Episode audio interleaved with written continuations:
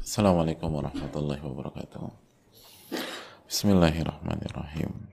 Alhamdulillahirabbil alamin.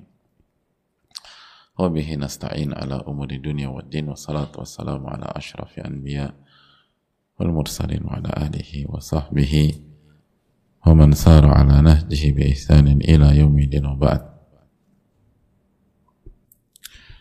Hadirin Allah muliakan Alhamdulillah kita panjatkan puji dan syukur kita kepada Rabbul Alamin atas nikmat yang Allah berikan kepada kita yang gak pernah henti selama nyawa tetap berada di raga kita. Dan nikmat itu pun akan terus berlanjut bagi orang-orang beriman setelah wafatnya bahkan lebih memuncak dan lebih besar. Oleh karena itu bagi orang-orang beriman hendaknya ia selalu berpikir bagaimana mensyukuri nikmat itu dan bagaimana ia bisa menjadi hamba-hamba yang bersyukur. Wa qalilun min syakur sedikit dari hambaku yang pandai bersyukur. Oleh karena itu sekali lagi tugas kita bukan hanya belajar tapi tugas kita juga bersyukur. Dan semoga kita dijadikan hamba yang pandai bersyukur. Amin ya rabbal alamin. Sebagaimana salawat dan salam semoga senantiasa tercurahkan kepada junjungan kita Nabi kita Muhammad dan Sallallahu Alaihi Wasallam beserta para keluarga, para sahabat dan orang-orang yang istiqamah berjalan di bawah naungan sunnah beliau sampai hari kiamat kelak. Allahumma inna nas'aluka ilman nafi'a wa na'udzubika min ilmin la yanfa'. Ya Allah berikanlah kami ilmu yang bermanfaat dan lindungilah kami dari ilmu yang tidak bermanfaat. Karena inti dari ilmu adalah yang bermanfaat, bukan yang sebatas dihafal. Walaupun hafalan itu penting sebagaimana dijelaskan oleh Imam Ash-Syafi'i rahimahullah. Al-ilmu ma nafa' wa laysa ma ilmu itu yang bermanfaat bukan yang sebatas dihafal. Tanpa meremehkan hafalan hafalan sangat penting. Tapi yang namanya ilmu adalah bagaimana hafalan itu menjadi kenyataan dalam kehidupan keseharian seseorang.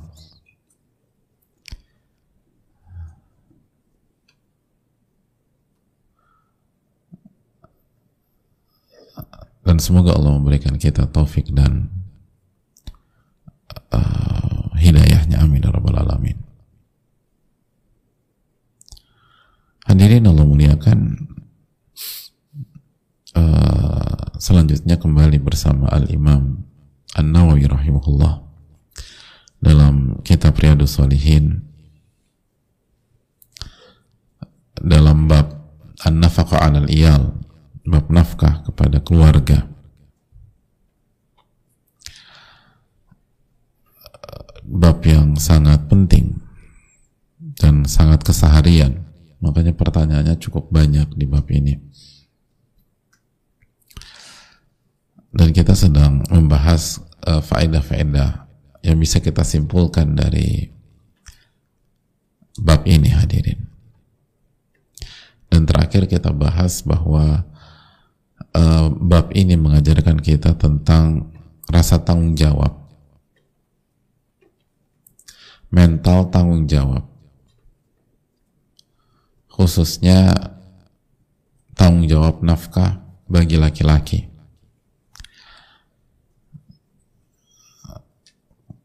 Karena itu hal yang sangat penting.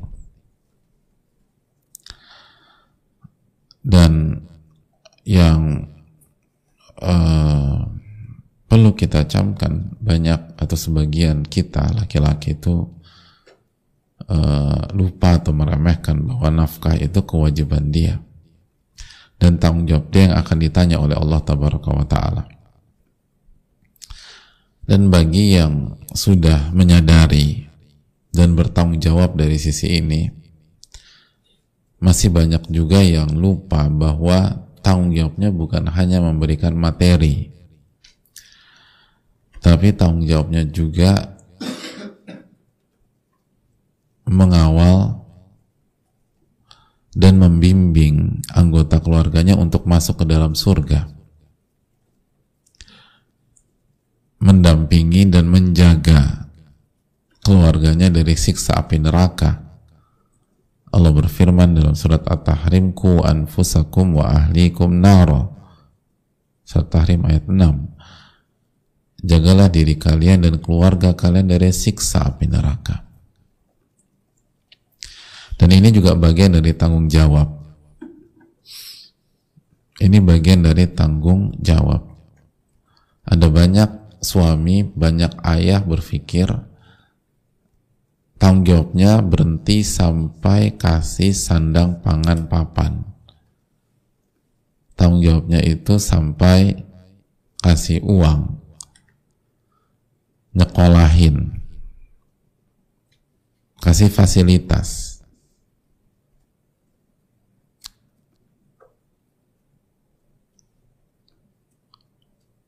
Ngekuliahin nih anak lalu begitu anaknya sudah jadi sarjana dia bilang maka tanggung jawab ayah sudah selesai. Tanggung jawab papa sudah selesai. Apalagi pas kuliah di apa disupport kos-kosannya dibayarin dibelikan mobil. Alhamdulillah itu kebaikan. Namun tanggung jawabnya nggak berhenti sampai di sana. Ku anfusakum wa ahlikum nar. Masih ingat hadis Nabi Ibrahim alaihissalam. Ketika berkunjung ke rumah Ismail alaihissalam. Itu Nabi Ismail sudah nikah hadirin sudah nikah. Itu masih dikawal sama ayahnya. Dan ketika ayahnya melihat istrinya bukanlah istri yang soleha dan istrinya bisa memberikan dampak buruk kepada sang anak dan bisa memberikan dampak buruk bukan hanya di dunia tapi di akhirat apa kata Nabi Ibrahim alaihissalam? Tolong sampaikan kepada suamimu ganti palang pintumu. Begitu Nabi Ismail sampai di rumah dia kasih tahu sama istrinya tadi ada orang tua dia begini dia begitu cerita kita. Terus dia dia pesan katanya kamu suruh ganti palang pintumu. Kata Ismail itu ayahku dan ayahku berpesan agar aku menceraikan kamu. Makanya sebagian ulama mengatakan apakah seorang anak harus taat kepada perintah orang tuanya kalau orang tuanya meminta dia menceraikan istrinya. Kata para ulama, kalau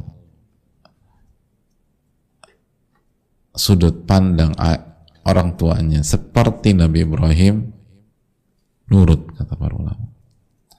Asal cara berpikirnya, sudut pandangnya objektif, dan mencontoh Nabi Ibrahim. Adapun kalau orang tuanya baper, terus orang tuanya ya suka-suka di mereka, ya ini beda kotak hadirin. Tapi intinya di sini adalah bagaimana tanggung jawab orang tua dalam menjaga akhirat keluarganya, anaknya, sampai anaknya sudah punya rumah tangga juga tetap dijaga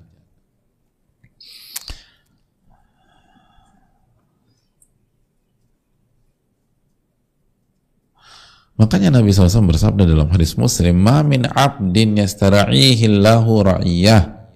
Tidaklah seorang hamba yang Allah kasih tanggung jawab, Allah kasih amanat memimpin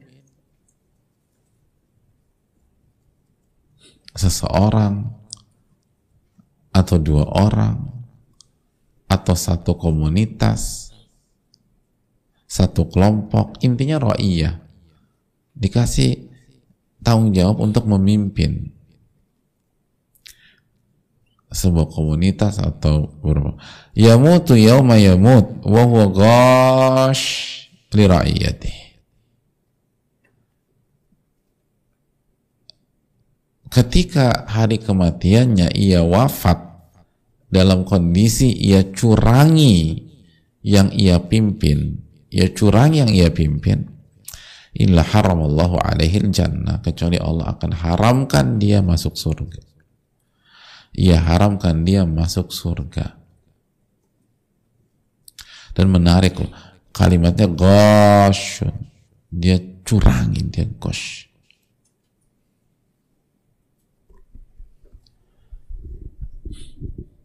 gosh itu lebih fatal daripada khotok kalau khotok siapa yang gak pernah salah siapa yang gak pernah salah? Setiap kita pasti salah. Setiap kita pasti khilaf dalam menjadi pemimpin.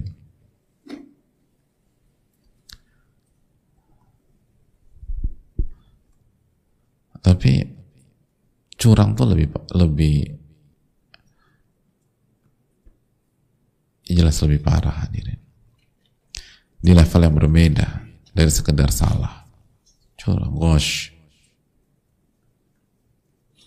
di antara malakos depan belakang beda. Gitu. Dan belakang dalam maksiat. Menipu itu gos juga artinya. Khada. Gak tulus. Gitu. Gak tulus.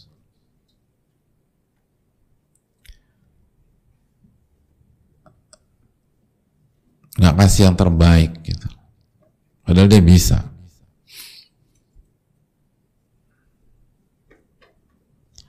Itu diharamkan masuk surga hadirin. Makanya bab ini sekali lagi mengajarkan kita tentang pentingnya dan tentang arti dari tanggung jawab. Harus tanggung jawab dan itu harus dibangun dari kecil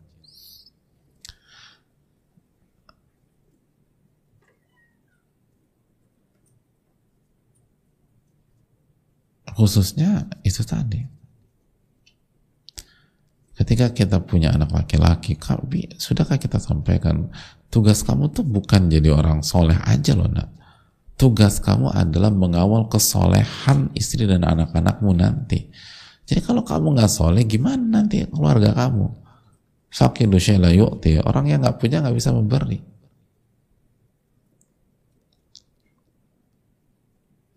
Tugas kamu tuh bukan hanya bertakwa, tapi bagaimana menjaga istri dan anak-anakmu dari api neraka. Ya kalau anda aja nggak nggak nggak ngejaga diri anda, terus gimana jaga istri dan anak-anak dari api neraka? Tugas kamu tuh bukan hanya jadi istri, jadi wanita soleha, Tugas kamu tuh bagaimana menjaga anak-anakmu agar menjadi anak yang soleh dan soleha.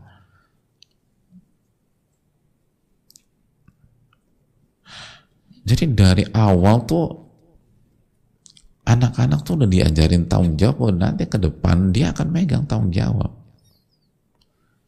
Ini bukan hidup yang suka-suka gue dong, nggak ada suka-suka anda. Hidup ini tanggung jawab.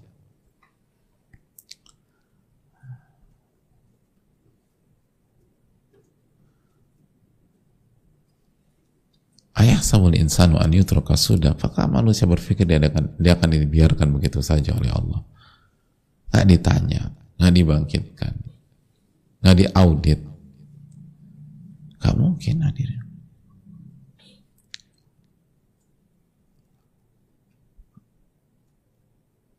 Dan bukan hanya nafkah materi, tapi tanggung jawab di keluarga itu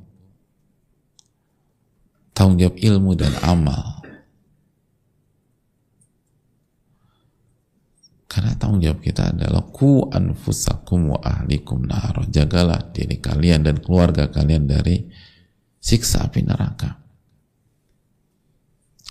Dari siksa api neraka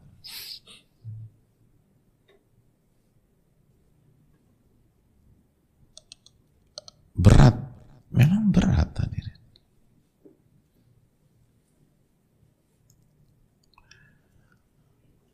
Makanya kan sebagian ulama klasik mengatakan seperti dikatakan oleh Sufyan dan dibawakan oleh Ibnu Abi Dunya dalam kitab Al-Iyal, "Idza tazawwaja syabu faqad kusira bihi wa idza wulida lahu faqad ghariqa." Apabila seseorang menikah apabila seorang anak muda menikah faqad kusira bihi dia dipatahkan patah dengan pernikahannya itu. Dan apabila dia punya anak dia tenggelam.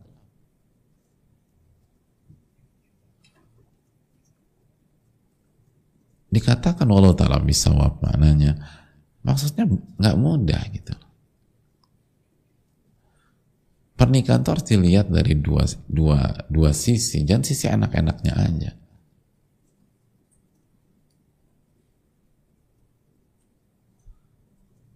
sampai kusiro bihi. Kusiro kan patah.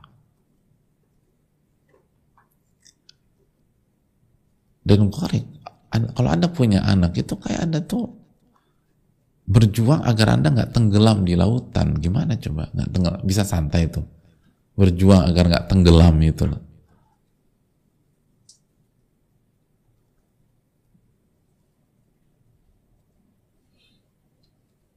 kan susah atau tenggelam di arus gitu. Kalau kita kan cuma seru, enak, hanya, sering kali kita hanya lihat dari sisi seru-seruan aja. Bahkan seru-seruannya hanya dalam uh, jangka waktu yang sangat pendek gitu loh. Kenapa mbak, atau kenapa mas Pemimpin bisa lucu gitu loh. Lucunya anak tuh berapa tahun sih teman-teman? Coba tanya udah punya anak, dan anaknya banyak gitu. Anak tuh usia 20-an tahun, 30-an tahun masih lucu nggak kira-kira? Masih, tapi berapa persen yang masih lucu? Ketika anak itu udah 20 tahun, 30 tahun, atau sampai 40 tahun gitu. Secara umum anak lucu berapa tahun? Dan kalau Anda nggak didik dia, lucunya dia berubah menjadi durhaka.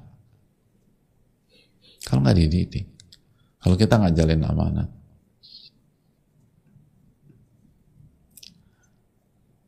Jadi sekali lagi salah satunya adalah bagaimana uh, memegang amanat dan sekali lagi amanat bukan hanya nafkah tapi juga yang terbesar adalah ku anfusakum wa ahlikum naro. Dan itu amanat terbesar dan bagian dari amanat itu adalah memberikan nafkah tentu saja. Dan juga uh, suami harus mendidik istri, harus mengarahkan, harus mengawal.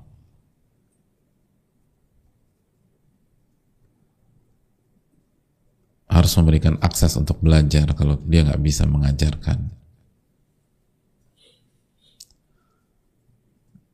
Ya sama kayak anak-anak. Kita nggak bisa ngajarin anak.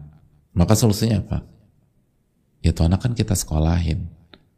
Kenapa sih filosofi apa akar akar ininya kenapa kenapa tuh anak nggak di rumah aja kenapa di sekolahin ya karena kita nggak bisa ngajarin dia dengan disiplin ilmu kayak begitu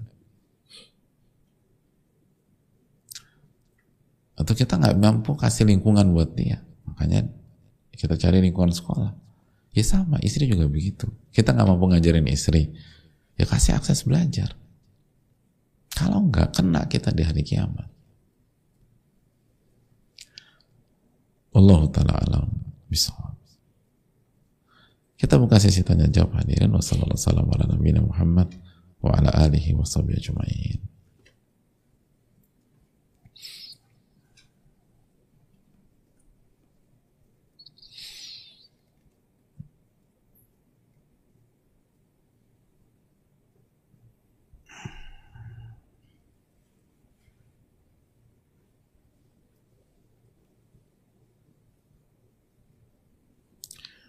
Assalamualaikum warahmatullahi wabarakatuh. Waalaikumsalam warahmatullahi wabarakatuh.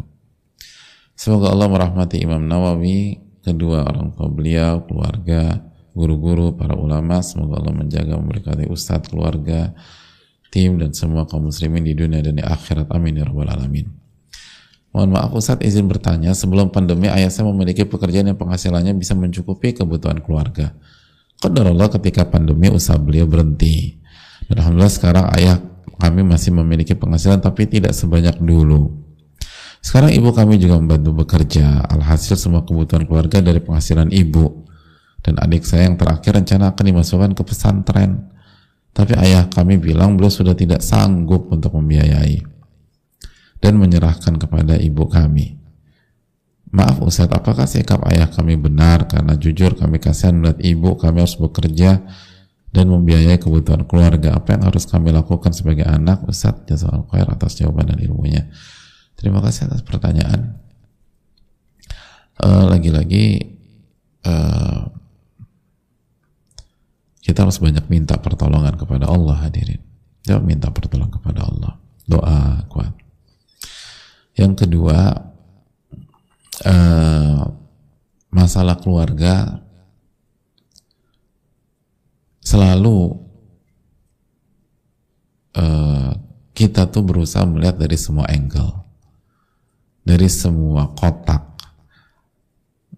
Karena keluarga tuh ikatan kan, mithakun ghalidho, ikatan yang sangat kuat.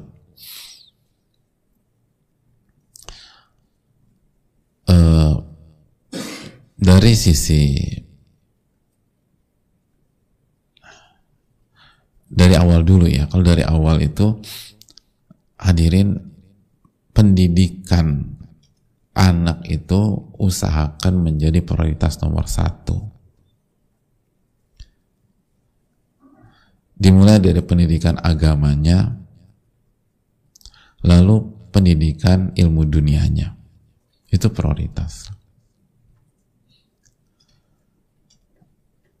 Jadi saran saya pertama buat skala prioritas.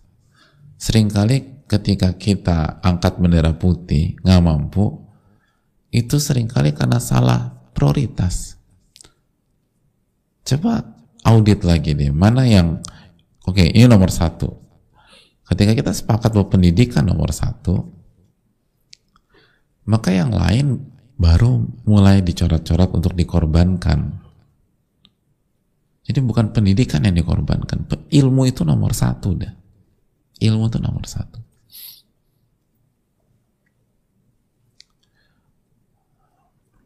Ilmu itu nomor satu bagi orang-orang besar. Itu prioritas. Ilmu itu kebutuhan pokok Bahkan apa kata Al-Imam Ahmad, muridnya Al-Imam Ash-Syafi'i, rahimahumullah. Kata Pak, kata Imam Ahmad, manusia itu lebih butuh ilmu daripada makan dan minum. Makanan minum kita butuhkan secara umum orang kita ya tiga kali sehari. Eh, tapi pisang goreng belum dimasukkan. Ya udah lima kali deh. Gitu. Lima kali sehari ilmu itu setiap waktu kita butuh ilmu setiap jam kita butuh ilmu. Setiap menit kita butuh ilmu. Jadi kalau kita tuh bisa jual mobil untuk biaya makan kita harus juga berani jual mobil untuk biaya belajar dan ilmu. Biaya pendidikan. Kita jual motor untuk makan kita harus berani juga jual motor untuk pendidikan dan ilmu. Itu poin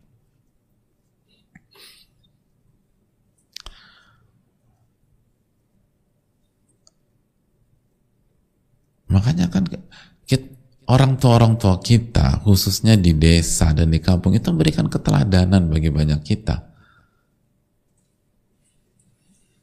bagaimana mereka tuh jual sawah biar anak-anaknya sekolah jual sawah dan sawah itu penghidupan di desa.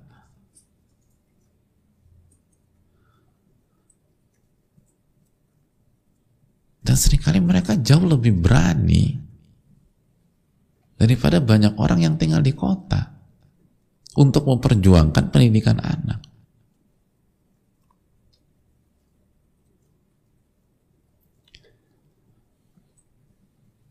Itu poin.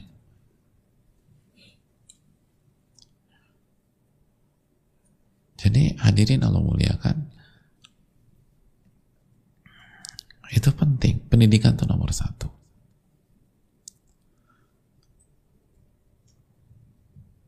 Ilmu itu nomor satu. Ilmu tuh kalau udah kuat semuanya tuh merapat hadirin. Ilmu kan punya daya magnet yang luar biasa. Maka dijelaskan oleh para ulama seperti dijelaskan oleh Al-Imam Ash-Shatibi rahimahullah. Bahwa ilmu itu ada sisi saytorah dan ada sisi sultah. Ilmu itu ada sisi atau ada unsur kekuasaan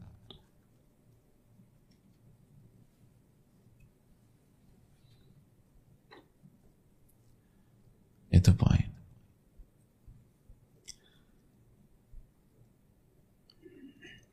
Lihat bagaimana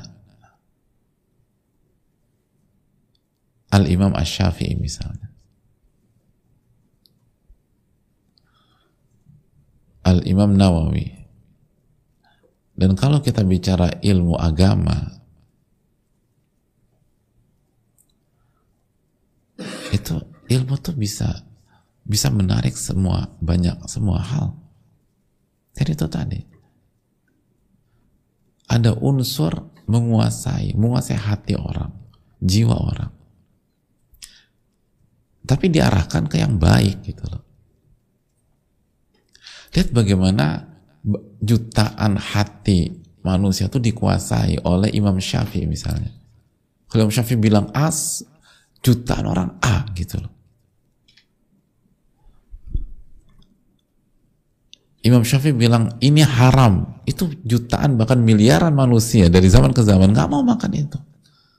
Atau nggak mau mengkonsumsi itu. Kenapa? Kata Imam Syafi'i haram. Itu kurang powerful apa diri? Kurang powerful apa? Padahal padahal Imam Syafi'i nggak nggak menggunakan uh, apa nggak menggunakan alat kontrol yang real. Artinya kalau anda langgar juga Imam Syafi'i nggak komplain ke anda. Beliau sudah wafat rahimahullah. Tapi bagaimana dengan ilmu itu? Beliau bisa ngelit hati manusia.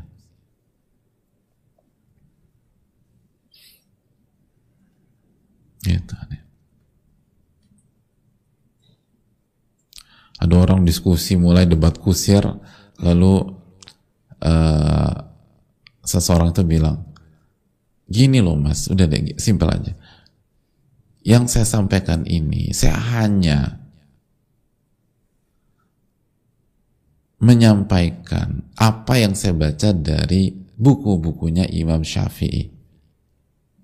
Tunggu tunggu dulu kata lawan debat. Udah mau debat kusir nih. Uh, jadi ini keterangan Imam Syafi'i? Iya mas. Ya kenapa nggak bilang dari tadi mas? Ya, ya saya ikut deh gitu. Baik, cuman gara-gara itu orang tuh bisa ikut. Itu ilmu tuh hadir.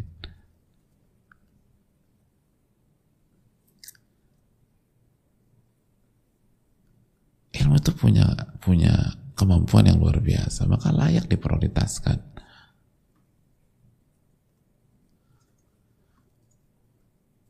Jadi kita sepakat dulu nih, satu keluarga bahwa ilmu itu nomor satu.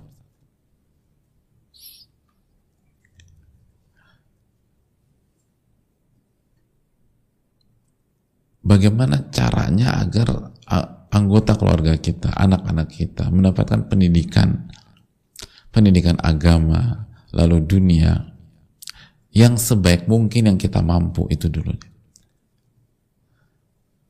Yang sebaik mungkin yang bisa kita jangkau atau yang sebaik mungkin yang bisa kita perjuangkan. Betul nggak boleh maksa. Tapi pertanyaannya sudah anda perjuangkan atau belum? Kalau masih bisa diperjuangkan Bismillah gitu lah perjuangkan. Sebagaimana banyak orang memperjuangkan harta memperjuangkan barang demi satu dua barang orang tuh rela nabung rela nggak makan rela. Demi hobi itu orang rela orang rela sedikit tersiksa dalam hidupnya demi hobinya itu.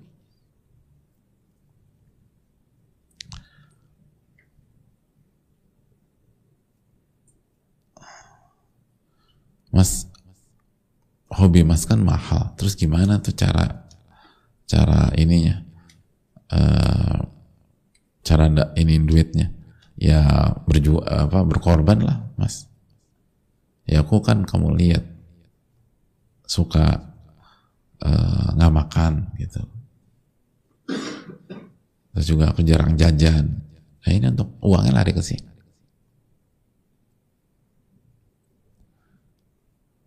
Lo lihat kan gaya hidup gue tuh biasa-biasa aja Ya, karena uangnya lari ke sini, hobi biasa. Nah, gimana dengan ilmu? Itu dulu itu yang pertama.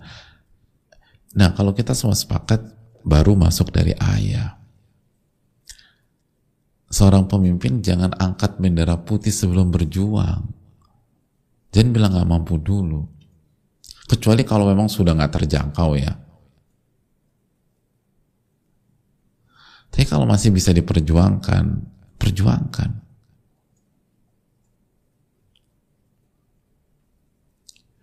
Sebagaimana itu tadi, pondok pesantren itu banyak. Dari yang gratis sampai yang mahal. Ya, dan belum tentu yang gratis itu nggak bagus. Atau yang murah itu nggak bagus. Belum tentu.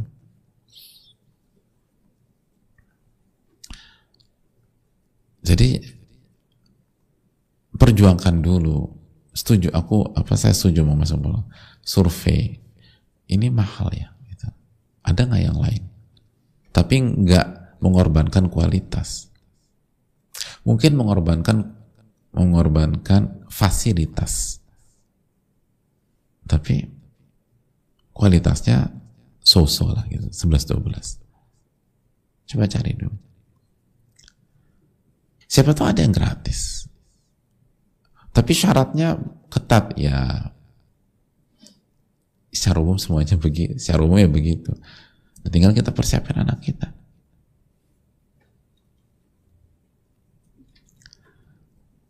Tapi ternyata memang yang mahal ini yang paling bagus. Ya perjuangkan. Karena pada prinsipnya semal apa pun itu untuk ilmu itu murah sebenarnya untuk ilmu itu murah. Jadi terus banyak doa, banyak minta pertolongan sama Allah terus berusaha itu ayah. Nah kalau ayah sudah mimpin keluarganya bahwa misi kita mensekolahkan anak atau adik kita, uh, anak kita atau adik kalian, dan ayah akan habis-habisan, ayah akan totalitas, maka insya Allah spirit ayah ini akan memberikan pengaruh ke anggota keluarga. Maka ibu juga akan, ibu akan bantu ayah. Gimana apa yang bisa dilakukan? Terus juga bisa jadi kakak-kakak gitu. Atau anak-anak yang lain yang yang lebih besar. Bisa jualan apa kayak segala macam. Bisa, apalagi sekarang pintu pintu jualan tuh sangat terbuka.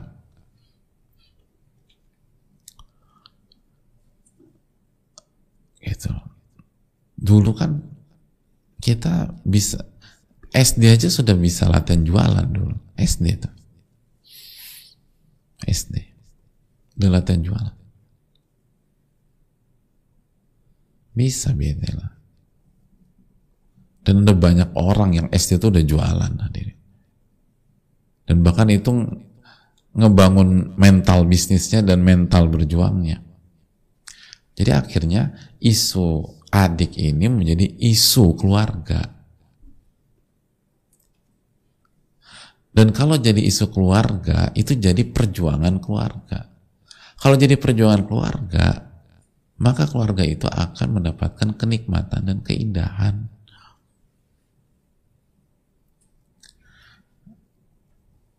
Ini yang menjadi masalah sering kali dari kita-kita. Kita tuh sering kali gagal dalam melihat peluang dari sebuah masalah keluarga. Sehingga masalah itu bikin berantakan. Bukan masalah menjadi sebuah momentum konsolidasi, momentum kebersamaan, dan momentum perjuangan bersama.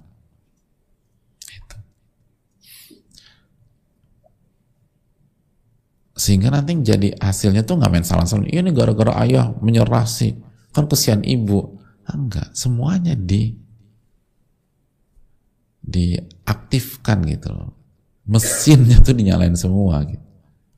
Lalu kita lihat apa yang Allah takdirkan ke kita dan adik kita. Allah taala alam